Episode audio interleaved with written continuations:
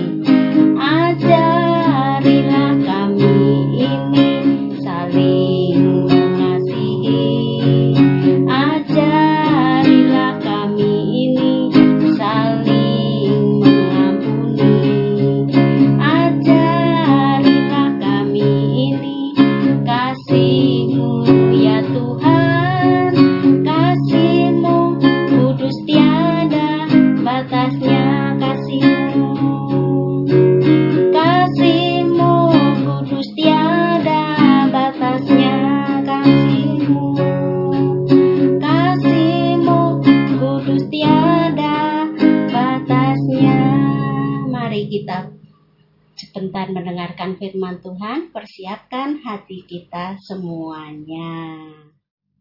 Puji Tuhan, kita akan mendengarkan firman Tuhan. Pagi ini kita siapkan hati kita. Tema firman Tuhan pagi ini tentang kakak adik yang bertengkar. Terdapat di dalam Kejadian pasal 27. Di sana diceritakan di dalam firman Tuhan di dalam Alkitab bahwa saat Isa tumbuh dewasa, dia menikah dengan Ribka. Esau dan Yakub adalah anak-anak mereka.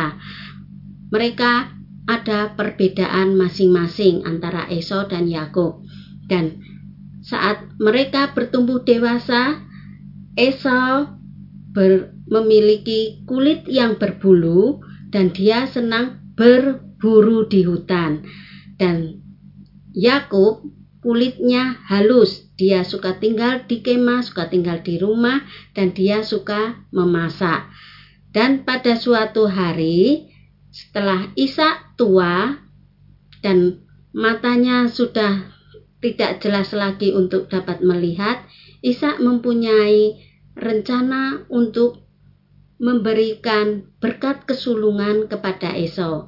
Dan saat itu Isa menyuruh Esau untuk pergi berburu dan memasak hasil buruannya itu yang lesat supaya Isa memakannya dan dia akan segera memberkati Esau. Saat Esau sedang berburu untuk mencari hewan buruan, maka Ribka menyuruh Yakub untuk menipu ayahnya. Yakub disuruh oleh Ribka berpura-pura menjadi Esau. Ribka memasak daging yang enak dan lesat, sedangkan Yakub yang disuruh untuk memberikan masakan tersebut kepada Ishak sebelum Esau kembali ke rumah. Nah, pada saat itu setelah daging dimasak, Yakub dibalut dengan kulit kambing dan memakai baju Esau. Dan setelah masakan selesai, maka pergilah Yakub kepada Isa untuk mendapatkan berkat. Dan dia berkata bahwa dia adalah Esau anak sulungnya.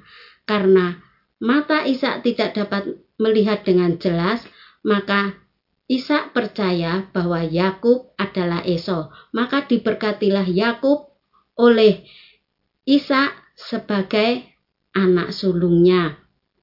Dan setelah Isa memakan masakan dari Yakub dan memberkati Yakub, maka datanglah Esau kepada Isa dan dia berkata, "Bapa, ini aku, nikmatilah masakan masakanku dan kemudian berkatilah aku." Tetapi Isa, Isa merasa terkejut. Nah, siapa tadi yang datang terlebih dahulu? Ternyata Yakub sudah mendapatkan berkat kesulungan dari Isa. Saat itu Esau merasa marah dan dendam kepada Yakub. Akhirnya Yakub melarikan diri ke rumah pamannya dan Kemudian setelah bertahun-tahun lamanya mereka tidak berjumpa, akhirnya Esau dan Yakub bertemu. Mereka saling berpelukan. Esau memaafkan Yakub dan Yakub juga meminta maaf kepada Esau atas kesalahannya yang sudah dia lakukan di saat-saat mereka masih muda. Dan saat itu akhirnya Esau dan Yakub berpelukan. Mereka melepaskan rindu mereka. Akhirnya mereka kembali hidup rukun bersama sebagai kakak dan adik. Dan di sini kita akan melihat apabila Esau dan Yakub dapat hidup rukun kembali, maka adik-adik yang ada di rumah yang mempunyai kakak atau adik harus hidup rukun bersama seperti pujian tadi ya. Supaya apa? Supaya berkat Tuhan selalu turun atas kehidupan kita. Jangan suka bertengkar dengan kakaknya atau adiknya, tetapi harus selalu mengasihi kakaknya, mengasihi adiknya dengan kasih Kristus. Dan ayat hafalannya terdapat di dalam Mazmur pasal 133 ayat yang pertama. Mazmur 133 Ayat yang pertama, sungguh alangkah baiknya dan indahnya apabila saudara diam bersama dengan rukun. Dihafalkan ya adik-adik. Di sini juga ada lembar aktivitas sekolah minggu. Akan tante terangkan dulu ya cara mengerjakannya. Nih lihat. Nah, di sini ada pertanyaan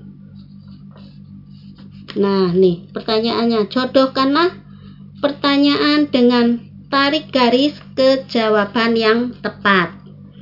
Jadi yang pertama di sini, pertanyaan yang pertama di sini dikata apa kegiatan favorit Esau? Apa kegiatan favorit Yakub? Dan di sini ada dua jawaban. Kalian memilih dengan menarik garis.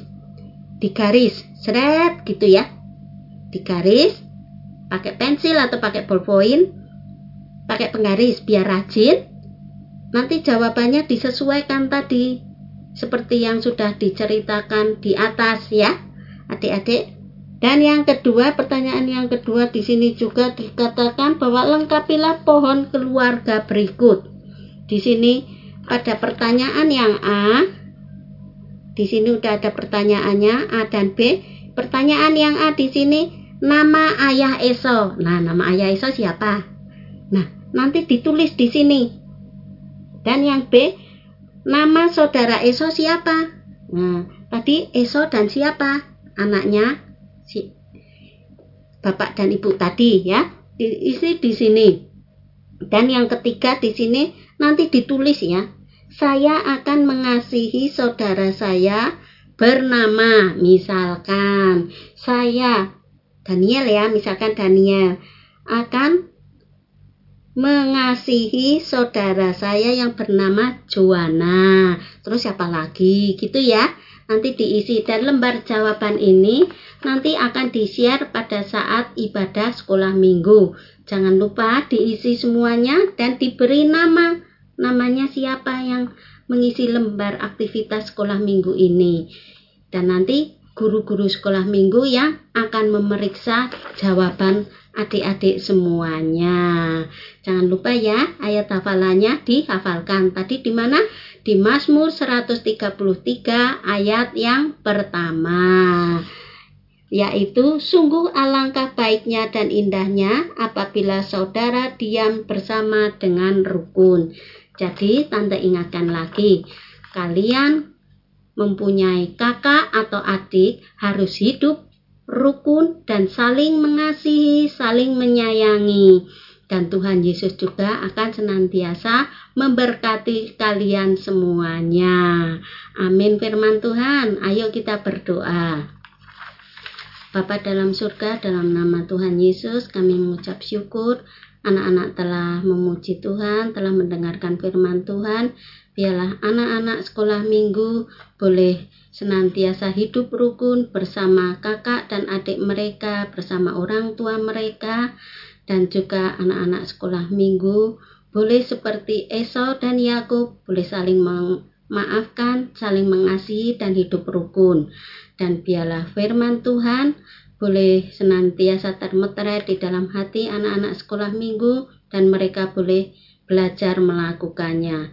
Kami berdoa Tuhan untuk setiap guru-guru sekolah minggu yang sudah melayani pekerjaan Tuhan, Tuhan urapi dan kuasa roh kudusmu. Dan juga Tuhan berkati setiap orang tua mereka Tuhan setiap usaha pekerjaan orang tua mereka Tuhan memberkatinya. Berkati anak-anakmu yang duduk di bangku sekolah walaupun masih sekolah online tapi Tuhan selalu memberikan kekuatan kesehatan memberikan roh hikmat marifat yang dari surgawi memberikan roh kepandaian kepintaran kecerdasan buat anak-anak semuanya Bapa. Dan berkatmu senantiasa tercurah untuk anak-anak sekolah minggu semuanya. Terima kasih Tuhan Yesus. Engkau tanamkan firman Tuhan di dalam hati anak-anak sekolah minggu agar anak-anak sekolah minggu boleh melakukannya sesuai dengan kebenaran firman-Mu. Hanya di dalam nama Tuhan Yesus Kristus kami berdoa dan mengucap syukur. Haleluya. Amin. Shalom. Tuhan memberkati.